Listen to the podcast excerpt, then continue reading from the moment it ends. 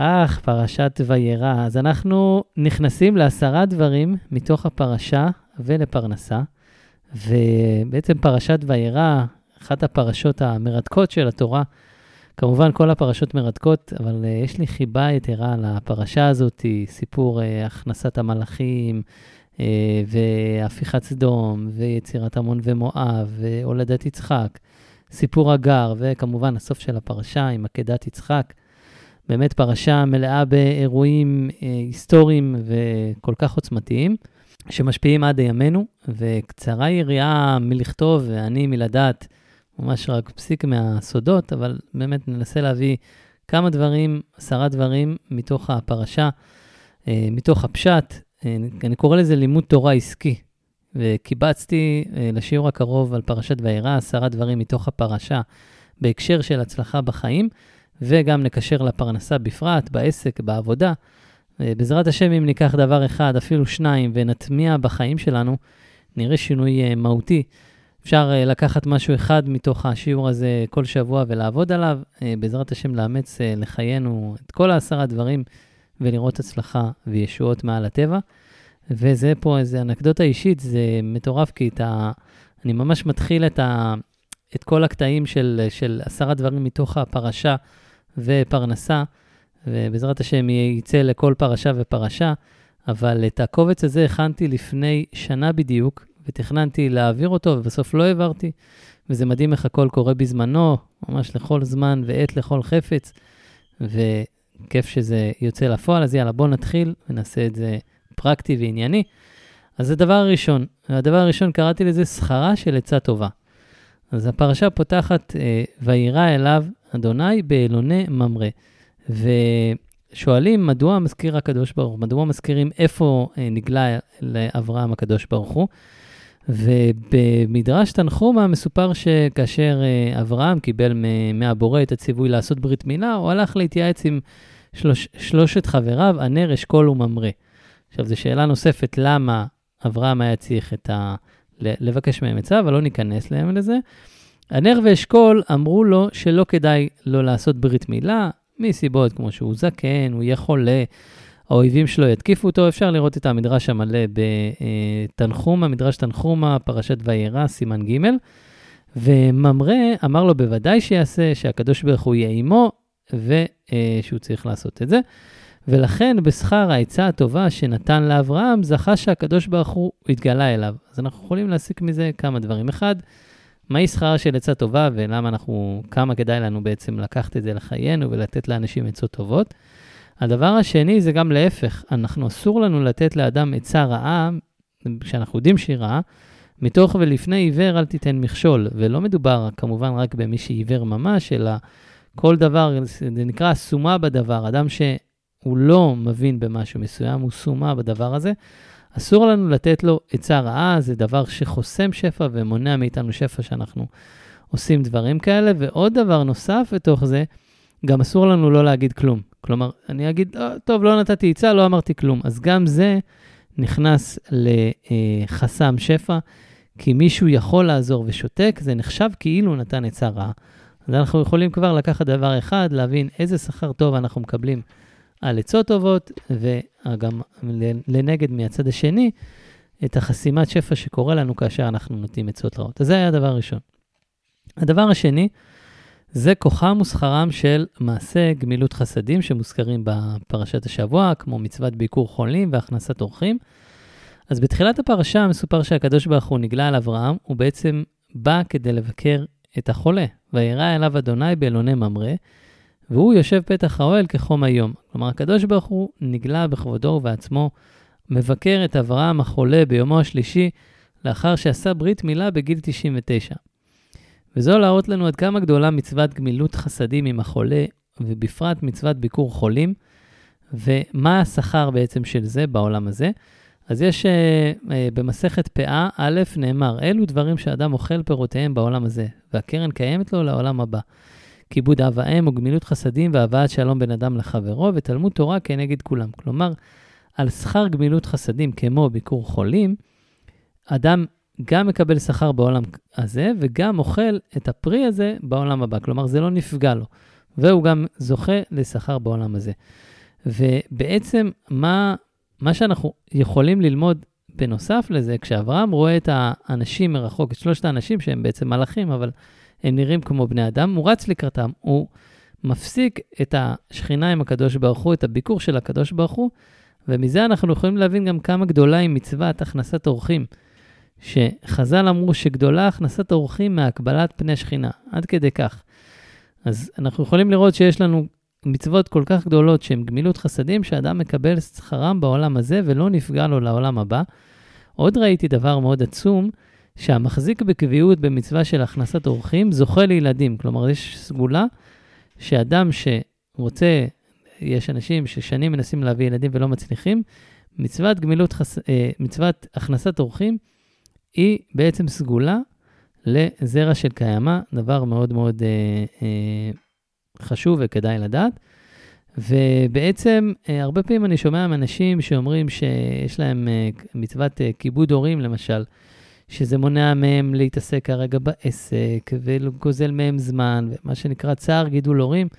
אז צריך לדעת שיש שכר מאוד מאוד גדול על המצווה הזאת בעולם הזה. לא צריך כמובן לעשות את זה בשביל השכר, אבל רק שבן אדם ידע שהוא מקבל שכר מאוד מאוד גדול ושלא יהיה לו צער על זה, ואני שמעתי סיפורים מהרבה מאוד אנשים שאמרו שיש להם הורים מבוגרים והיו חודשים שהם ממש טיפלו בהם וכמעט ולא השקיעו בעסק, ודווקא באותו חודש העסק שלהם פרץ וצמח, למרות שהם לא עשו הרבה עבודה לקידום העסק, וזה ממש הוכיח לי, ממש ראיתי את זה, לא היה צריך להוכיח לי, אבל זה ממש ראיתי את זה בחוש, איך הדבר הזה קורה. אז זה בעצם מתוך הפרשה, איזה כוח ואיזה שכר עצום יש למצוות גמילות חסדים שמוזכרות בפרשה, והם ביקור חולים והכנסת אורחים.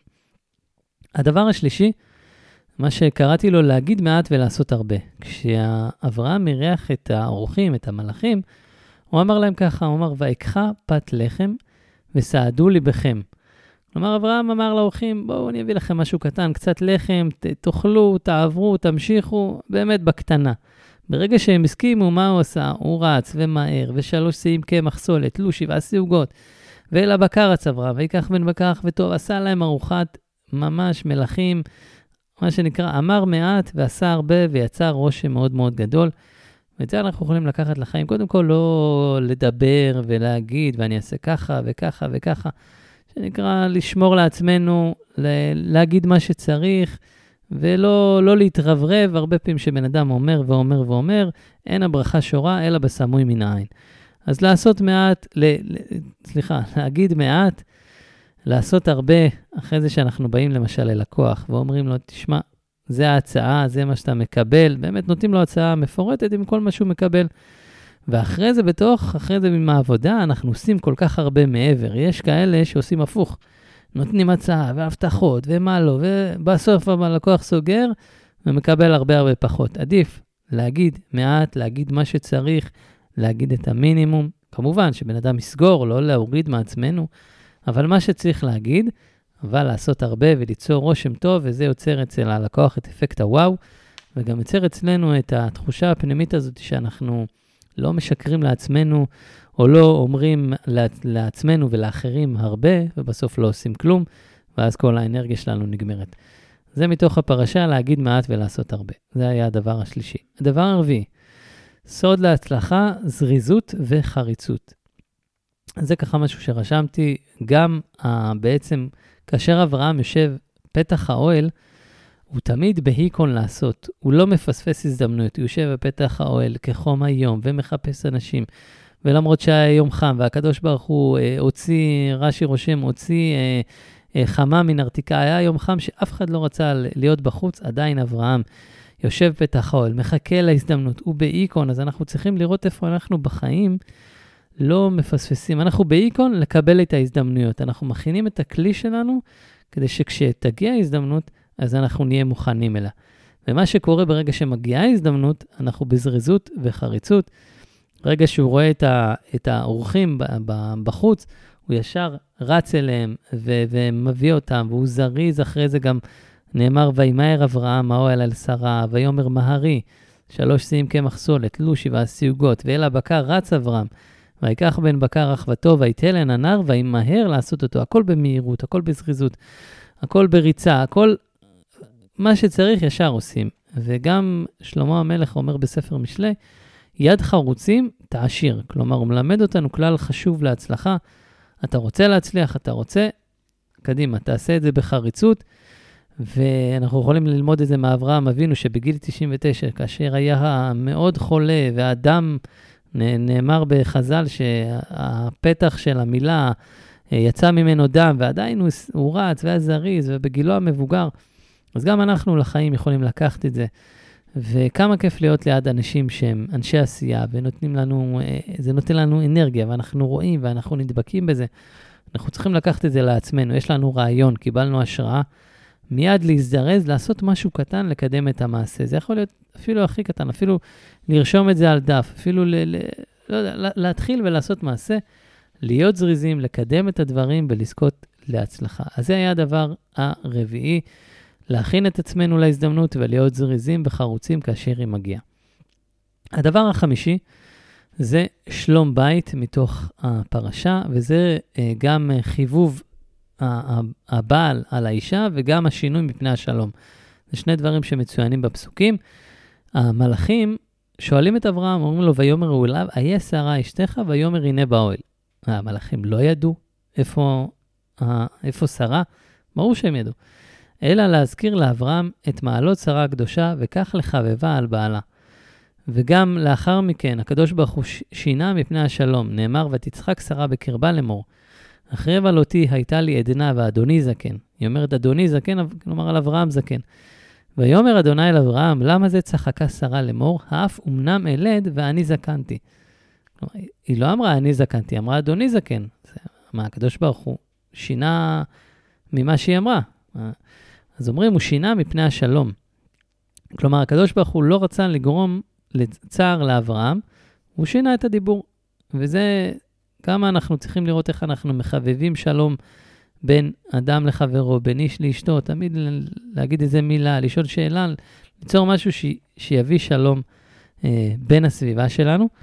ועוד דבר צריך רק אה, לראות שאנחנו לא הולכים לשקר ומניפולציות. כלומר, לא לשקר ולהגיד דברים שהם לא נכונים, אבל אם יש שינוי שהוא לא מהותי, ואנחנו לא רוצים לפגוע וליצור מריבה וליצור חיכוך, אפשר לשנות מפני השלום, והשלום הוא דבר שיוצר שפע, מביא שפע. אנחנו כל הזמן, אה, יש כל כך הרבה פסוקים על... ברגע שיש שלום, יש ברכה, יש הצלחה, יש הכל.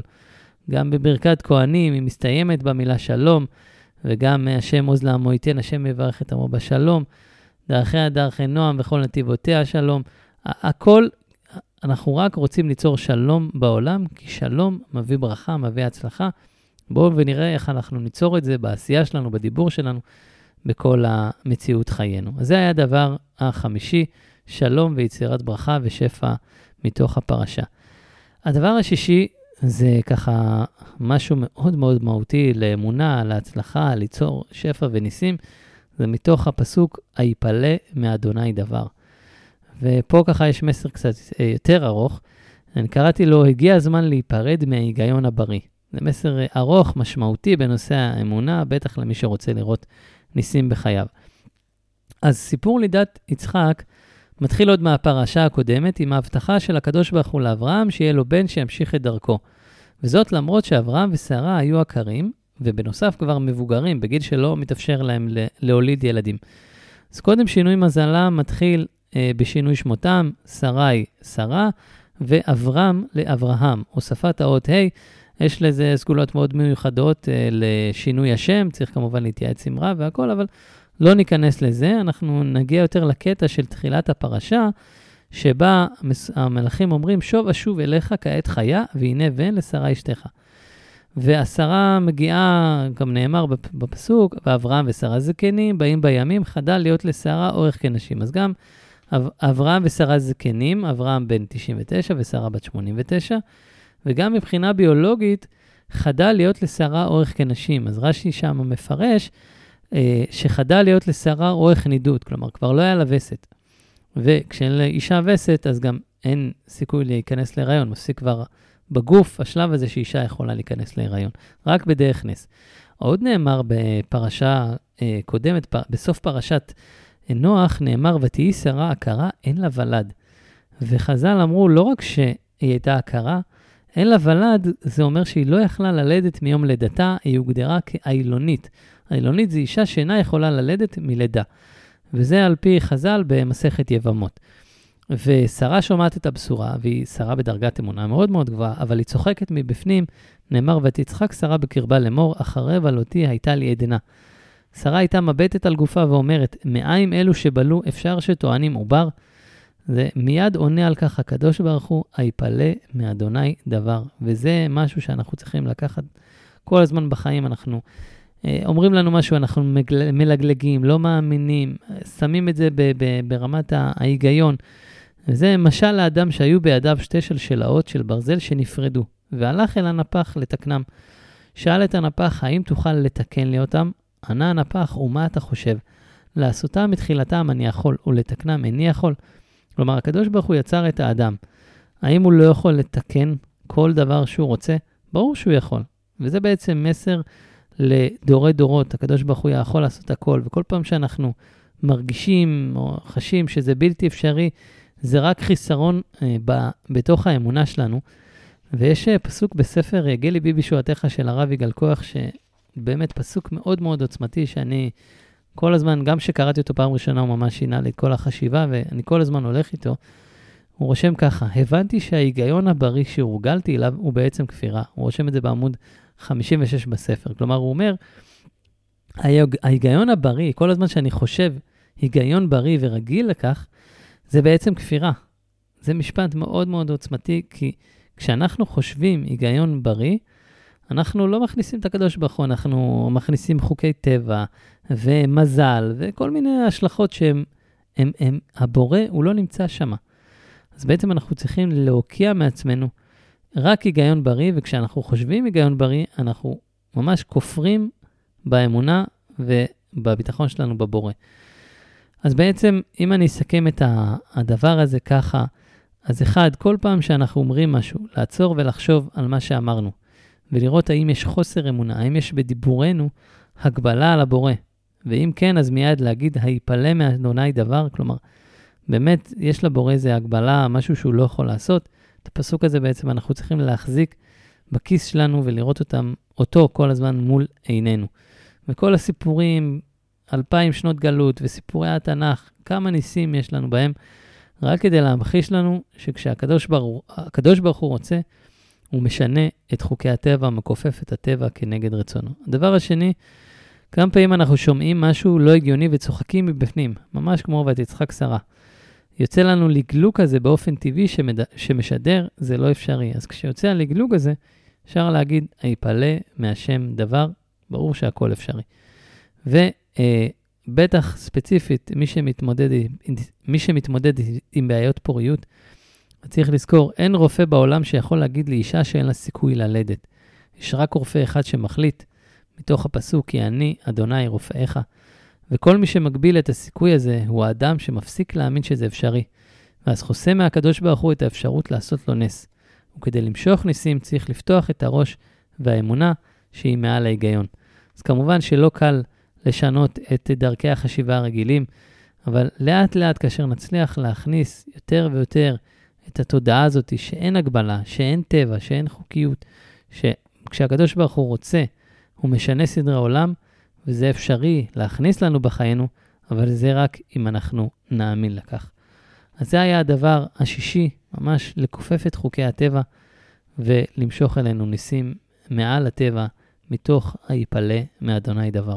הדבר השביעי מתוך הפרשה זה ליווי האורח. נאמר, אחרי שהמלאכים מסיימים את השליחות שלהם, ואברהם הולך עמם לשלחם. כלומר, מצוות הכנסת אורחים מסתיימת בליוויו של האורח. הצד הפשוט הוא שבעצם המארח מראה לאורחו שהוא אוהב אותו וקשה עליו פרידתו. במיוחד כשהאורח נפרד ובליבו מקנן החשש שמא היה לטורח על בעל הבית ושמא באמת לא רצו בו. כלומר, כשאתה מלווה את האורח והולך איתו, זה מראה לו שזה לא היה טרחה והוא לא רק חיכה שזה יסתיים. זה מה שנקרא חיבוב המצווה. וחכמינו זיכרונם לברכה הפליגו מאוד במצוות הליווי עד שאמרו ששכר הליווי אין לו שיעור. המלווה את חברו אפילו ארבע אמות, יש לו שכר הרבה. כלומר, כמה שכר יש בליווי האורח, אז אם נכניס את זה לזה שקיימנו את מצוות הכנסת אורחים, ואחרי זה אנחנו גם מכניסים את הליווי אורח, אנחנו זוכים בשכר מאוד מאוד גדול, שכר שאין לו שיעור, וזה אפילו על 400, אפילו בן אדם הולך כמה צעדים עם, עם האורח שלו אחרי זה, והוא זוכה לשכר גדול, וכמה אנחנו יכולים לקחת את זה לעצמנו. אחרי הכנסת האורחים, גם לקיים את הליווי של האורח ולזכות לשכר גדול. זה היה הדבר השביעי, שכר ליווי האורח. הדבר השמיני, זה מתוך הפסוק, כי על כן באו בצל קורתי, אה, משהו מאוד מאוד חזק ששמעתי בהשראת אה, פרשה ותודעה של הרב אליהו שירי. מומלץ, מומלץ מאוד, יש לו בעצם, על כל פרשות השבוע הוא אה, הכניס קטעים על, על בריאות האדם, וגם פרנסה ופרשה. באמת, פרויקט מאוד מאוד חזק, מומלץ, מומלץ בחום לבדוק. והוא אומר ככה, הדבר השמיני, כי על כן באו בצל קורתי. מי שנמצא תחת אחריותו של האדם, הוא מחויב לשמור עליו מכל משמר. יש את חוק הערבות, חוק החיסיון, מסביר החפץ חיים. בהלוואה יש ערב. לא כל אחד יכול להיות ערב, רק אם אדם בעל יכולת לשלם עליי, הוא יכול להיות ערב. אותו ערב משועבד למי שמלווה ממנו האדם שעבורו הוא ערב לו. למה הערב שלא מקבל כלום גם הוא משועבד? הערב קיבל טובת הנאה, על כך שסומכים עליו. כלומר, בן אדם ערב, הוא לא מקבל כלום והוא עדיין משועבד. אבל הוא קיבל טובת הנאה. מה טובת הנאה? סומכים עליו. על זה שסומכים עליו, על זה הוא צריך להיות משועבד. ובפסוק בתהילים נאמר, שמרני אל כי חסיתי בך. כלומר, אתה אומר לקדוש ברוך הוא, תשמור עליי כי אני חוסה בך. כלומר, למה הקדוש ברוך הוא? כי אני משליך עצמי עליו ונמצא תחת חסותו. רק על זה, בגלל זה, יותר נכון, הקדוש ברוך הוא צריך לשמור עליי, כי אני בוטח בו. כלומר, הפעלתי בזאת את כוח החיסיון על הקדוש ברוך הוא בכבודו ובעצמו. והחפץ חיים אומר שמי שרוצה ישועה בדבר או הצלחה, יכניס את הקדוש ברוך הוא ערב איתו בדיבור. ואז כביכול משועבד הקדוש ברוך הוא לאותו אדם, הוא מחויב לעזור לו. ובגלל שהקדוש ברוך הוא מקבל טובת הנאה בכך שסומכים עליו, והאדם מגיע לאמונה שלמה וביטחון בקדוש ברוך הוא שיהיה איתו, משליך עליו מתוך השלך על אדוני יאהבך והוא יקלקלך. כלומר, אנחנו ממש יכולים לראות, כמו שלוט אמר לאנשים, אתם אל תפגעו בהם, כי על כן באו בצל קורתי, אז אנחנו יכולים לקחת את זה ולהשליך את זה כחוק חיסיון על הקדוש ברוך הוא, להכניס את הקדוש ברוך הוא איתנו, ובעצם ככה האדם יכול להביא את העזרה שלו ו- ולמשוך עליו ישועות, אבל זה רק מתוך שהוא מפעיל את חוק החיסיון הזה. ורבי ירוחם ממיר בספרו דעת תורה אומר, מי שמאמין בעתידו ובוטח בו, הוא אשר עתידו מובטח. כלומר, כשאתה מכניס את הקדוש ברוך הוא איתך, לקריירה, לעסק, לכל דבר, אתה מושך על עצמך עזרה וגילוי רחמים, וזה אנחנו יכולים ללמוד מתוך הפרשה, מתוך הפסוק, כי על כן באו בצל קורתי. כשאני ערב למישהו ולוקח אותי, לוקח אותו תחת אחריותי, אני מחויב אליו, אנחנו ממש יכולים לגלגל את זה על הקדוש ברוך הוא ולהגיד לו, הקדוש ברוך הוא, אנחנו צריכים אותך, כמו שדוד המלך אומר בתהילים, שמרני אל, כי חסיתי בך, תשמור עליי, רק בזכות זה שאני בוטח בך. אז זה היה הדבר השמיני. הדבר התשיעי, נלמד מעונשן של מלאכים.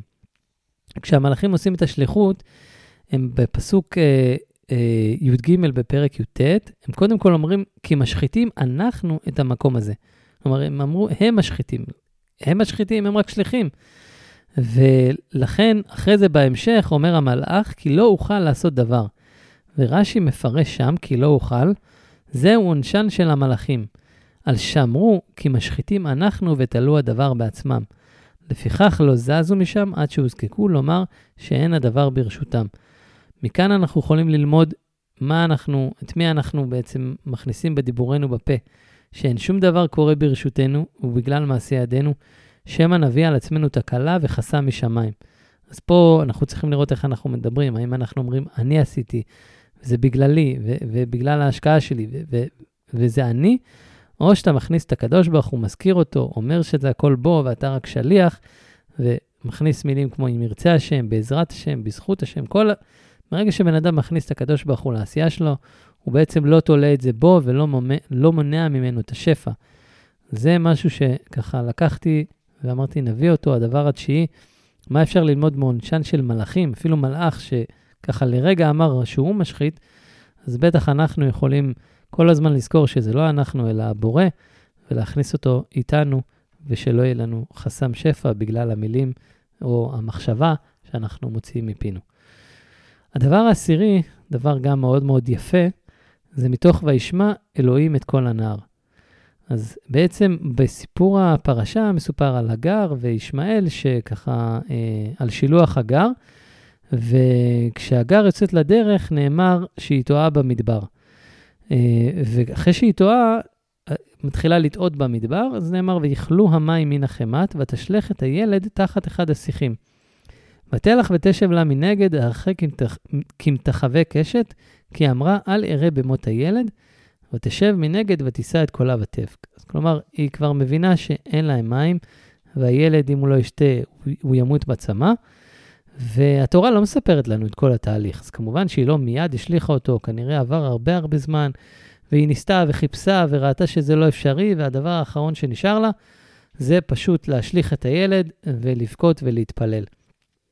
ומיד לאחר שהגר בוכה ומתפללת לקדוש ברוך הוא שהבן שלה לא ימות, נאמר שה... שהמלאך נגלה אליה, וישמע אלוהים את כל הנער, ויקרא מלאך אלוהים אל הגר מן השמיים, ויאמר לה מלאך הגר, אל תראי, כי שמע אלוהים את כל הנער באשר הוא שם. כלומר, המלאך נגלה אליה, אבל לא בגלל תפילתה, אלא הקדוש ברוך הוא שמע את כל הנער. ונשאלת השאלה, מדוע השפיעה יותר תפילתו של ישמעאל מתפילת אמו הגר?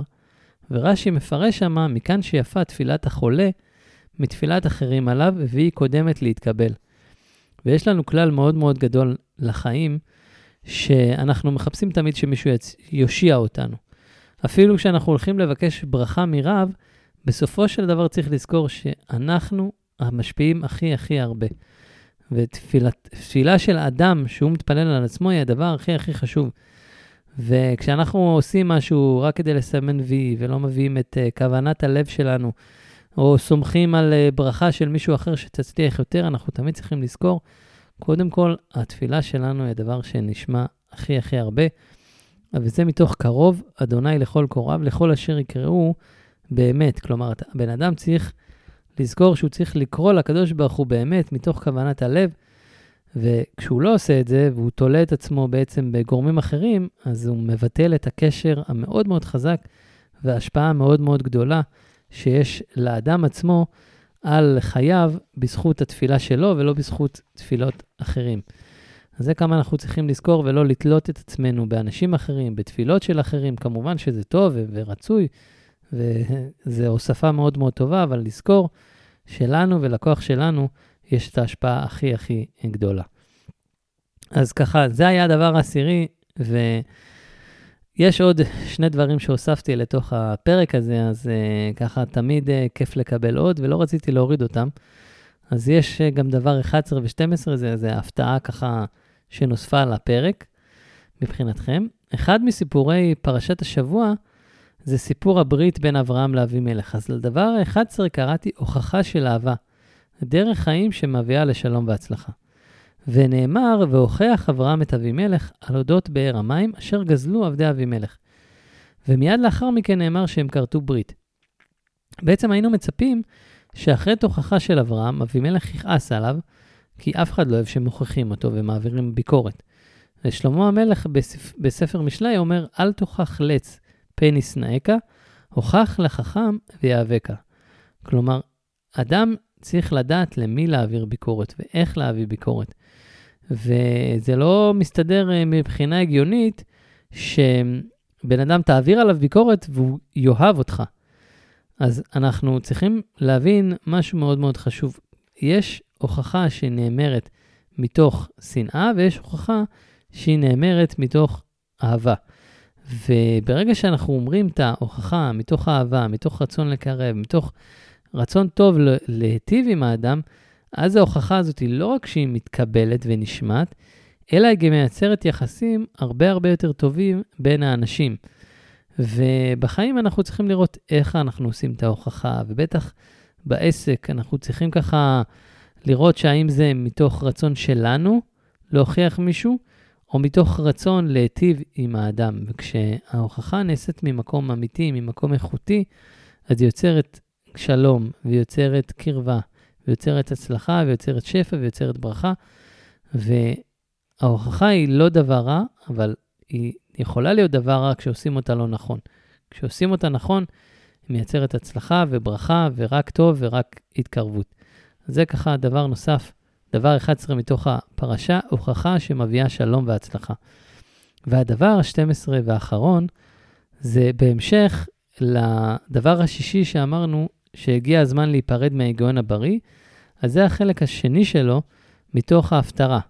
וידוע כי מפטירים קטע מהנביאים במה שקשור לפרשה. אז בפרשה נאמר, כעת חיה לשרה בן, וגם אלישע הנביא הבטיח לאישה השונמית בהפטרה, כעת חיה את חובקת בן. כלומר, אה, מומלץ כמובן גם לעיין במקור, זה מלכים ב', פרק ד', בכל הסיפור, לקרוא את הפטרת אה, וירא. אה, ויש לנו בעצם שני כללים שקשורים אחד לשני, הפטרה מאוד מאוד יפה. אז קודם כל היא פותחת בנס שנעשה לאשת עובדיה, שהיא הייתה חייבת כסף למלך אחאב, שהיה מלך רשע, ובעבור החוב הוא אמר שאני רוצה לקחת את שני הילדים שלה לעבדים. והיא באה לנביא אלישע ואומרת שאין לה כלום, אין לה, אין לה שום דבר בבית שיכולה לתת uh, תמורת החוב שלה. ואלישע הנביא שואלת, מה כן יש לך בבית? והיא אומרת, יש לי כמה, כמה כלים באמת של שמן שהם ריקים. הוא אומר לה, הוא מראה לה בעצם ש... קודם כל הוא אומר לה, תלכי ותאספי מכל השכנים, תאספי כמה שיותר כלים ריקים. כמה שיותר, אל תמעיטי, ככה הוא מצווה אותה. ואחרי שהוא, אה, שהיא אוספת את הכלים, הוא עושה נס, ומה שהוא עושה, הוא מכניס לתוך הכלים שמן ש, ש, שנוזל ונוזל ועוד כלי, וככה הכלים מתמלאים. ובעצם אפשר ללמוד מזה כמה אנחנו בעצם צריכים להכניס כלי לחיים שלנו שממנו ילך השפע. קודם כל צריך שיהיה משהו. השפע מלמעלה לא יורד סתם. זה שפע, זה דבר רוחני, והוא צריך כלי גשמי כדי שירד אליו. אז אנחנו צריכים להכין כלי בעולם הזה. בנוסף לזה שאנחנו מכינים כלי, גם הכלי צריך להיות ריק. כלומר, זה לא סתם כלי, אלא כלי שהוא ריק, שאפשר להכיל בתוכו. כשבן אדם הולך עם, למשל עם גאווה, אז הכלי שלו לא ריק, ואז הכלי, אמנם עשינו כלי בעולם הזה, אבל הוא לא יכול להתמלא בשפע. אז זה דבר ראשון מתוך הפרשה, לעשות כלים ולעשות כלים ריקים שאליהם ירד השפע. הדבר השני שנאמר, זה שאלישע, שגזר משמיים לזכות את האישה השונמית בבן, לא נאריך בזה, רק נגיד שכדאי לקרוא, אבל האלישע גזר שיהיה להם בן, ונולד להם בן אחרי הרבה הרבה שנים. אותו בן יצא לשדה יום אחד כילד, לא חש בטוב, אחרי, אה, אחר כך אה, אביו הביא אותו לבית אמו, וכמה שעות אחרי זה הוא נפטר. והאישה, האישה השונמית, לא, לא, לא לקחה את זה קשה. היא שמה את הילד ב, ב, בחדר, הוא, הוא כבר מת, כן? היא שמה אותו, סגרה את הדלת והלכה אל הנביא כדי שיחזיר את הבן שלה בחיים. זה רק מראה איזה אמונה תמימה, פשוטה, טהורה, היא החזיקה בתוכה. ואלישע הנביא, שלא ידע על כך דבר, ציווה את נערו גחזי לרוץ עם המקל ולהחיות אותה. המקל גם מסמן את המשענת הזאתי, המשענת של הנביא והמשענת הזאתי שבינינו לבין הקדוש ברוך הוא, הידיעה שיש גשר בינינו לבין הבורא שהוא גורם לדברים לקרות. אבל גחזי לא האמין מספיק, והמקל לא הצליח, כי בדרך הוא עצר ודיבר עם אנשים ולא האמין, ובתרגום אונקילוס מצוין שגם ראה בדרך אריה מת, ושם את המקל מעליו והקים אותו לחיים. כלומר, הוא, הוא לא עשה את מה שצריך לעשות, בגלל זה המקל גם לא שימש ככלי להחיות את הילד, ואלישע נזקק בעצמו לבוא ולהחיות את הילד. זה גם לא הפעם הראשונה שמצוין בנביא, וגם אה, הרב שלו, אליהו הנביא, אה, גם מחיה מתים. כלומר, להחיות מתים זה משהו שאנחנו מכירים מעוד גם סיפורים בגמרא. אבל מה שחשוב לציין פה זה לא הסיפור עצמו, שהוא ענק ועצום על זה שאלישע החיה את המת, אלא למה הילד קם לתחייה. ולזה לא בזכות המעשה של אלישע, אלא בזכות האמונה של האישה בצדקת הנביא ובזה שהוא יכול להחיות מתים מתוך האמונה הפשוטה שהוא שליח של הבורא.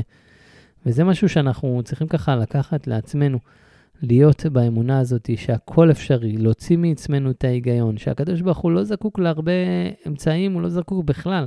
הוא רק זקוק שאנחנו נהיה באמונה כזאת טהורה שיכולה, שיאפשרת לנו להכיל כלי, להוריד את השפע, וגם הכלי הזה, שברגע שיש אמונה, גם יכול לחולל ניסים שהם מעל הטבע. ואני ציינתי לי ככה משהו ככה לקראת הסיום, אמרתי משהו בראשי שהולך איתי, שחשיבה לפי טבע היא כמו ג'אנק פוד לאמונה. אבל כשאני כל הזמן חושב על פי טבע ועל פי חוקים, אני ממש מרעיל את האמונה שלי. כי אמונה היא מעל ההיגיון, היא מעל הטבע, היא מעל היכולת השכלית שלי להבין למה. ועם היגיון בריא אי אפשר לחולל ניסים בחיים. אז אם אני אסכם את הדבר הזה וארחיב עליו, אז עם כלים שהם שלמים, שהם כלים עם גאווה, והאמונה בכוחי ועוצם ידי, אי אפשר למלא אותם. אם ננסה למלא כוס שהיא כבר מלאה במים, אז אם נשפוך עוד מים, פשוט המים יזלגו החוצה. אבל אנחנו צריכים להתהלך, אדם צריך להתהלך עם כלים ריקים. כלים ריקים זה ענווה. ענווה, שזה לא ממני, זה אמונה שהכל מאת הבורא, אני רק שליח, ובכך שיש לי כלי ריק, שיש לי כוס ריקה, אני יכול למלא אותו מים, אני יכול למלא אותה בחומר ובשפע מן השמיים. אז אלה היו בסופו של דבר, נקרא לזה 10 פלוס 2, של עשרה דברים מתוך הפרשה בהקשר של הצלחה בחיים, בהקשר בפרט של פרנסה ועבודה, לא רק, לא רק בעסק, גם בעבודה. בן אדם לא, לא צריך להרגיש שהוא מוגבל. יש בונוסים, יש uh, תקרות שכר שתמיד יכולות לעלות, וזה רק בזכות אמונה טהורה בבורא ששולח את הפרנסה. וכשבן אדם אומר, יש לי תקרת זכוכית מעליי, גם אם הוא בעסק אה, ועובד, בעבודה ועם שכר גלובלי, כשהוא מרגיש ככה, שהוא חושב ככה, הוא מגביל את הבורא והוא לא נותן לו להכניס דברים שהם מעל הטבע, שהם מעל האפשרויות שנפתחות לנו בראש. ואנחנו כל הזמן צריכים ללכת עם התחושה שיפלא מהשם דבר, לא משנה מה המציאות, ולא משנה איזה שהם טבע או מזל, או, או לא יודע מה קורה לאדם בחיים, הקדוש ברוך הוא יכול להכניס שפע רק אם נאמין שזה אפשרי. אז אני מאחל לי ולכם ולכל מי שהגיע עד לכאן, לקחת משהו אחד, כלי אחד, לעבוד איתו, עוד אחד שבוע הבא. אם רק אפילו באמת נטמיע אחד או שניים בחיים, באמת נחיה אותם, לאט לאט אנחנו נראה ישועות שהן מעל הטבע. שיהיה לכם המשך מדהים ונתראה בפרקים הבאים.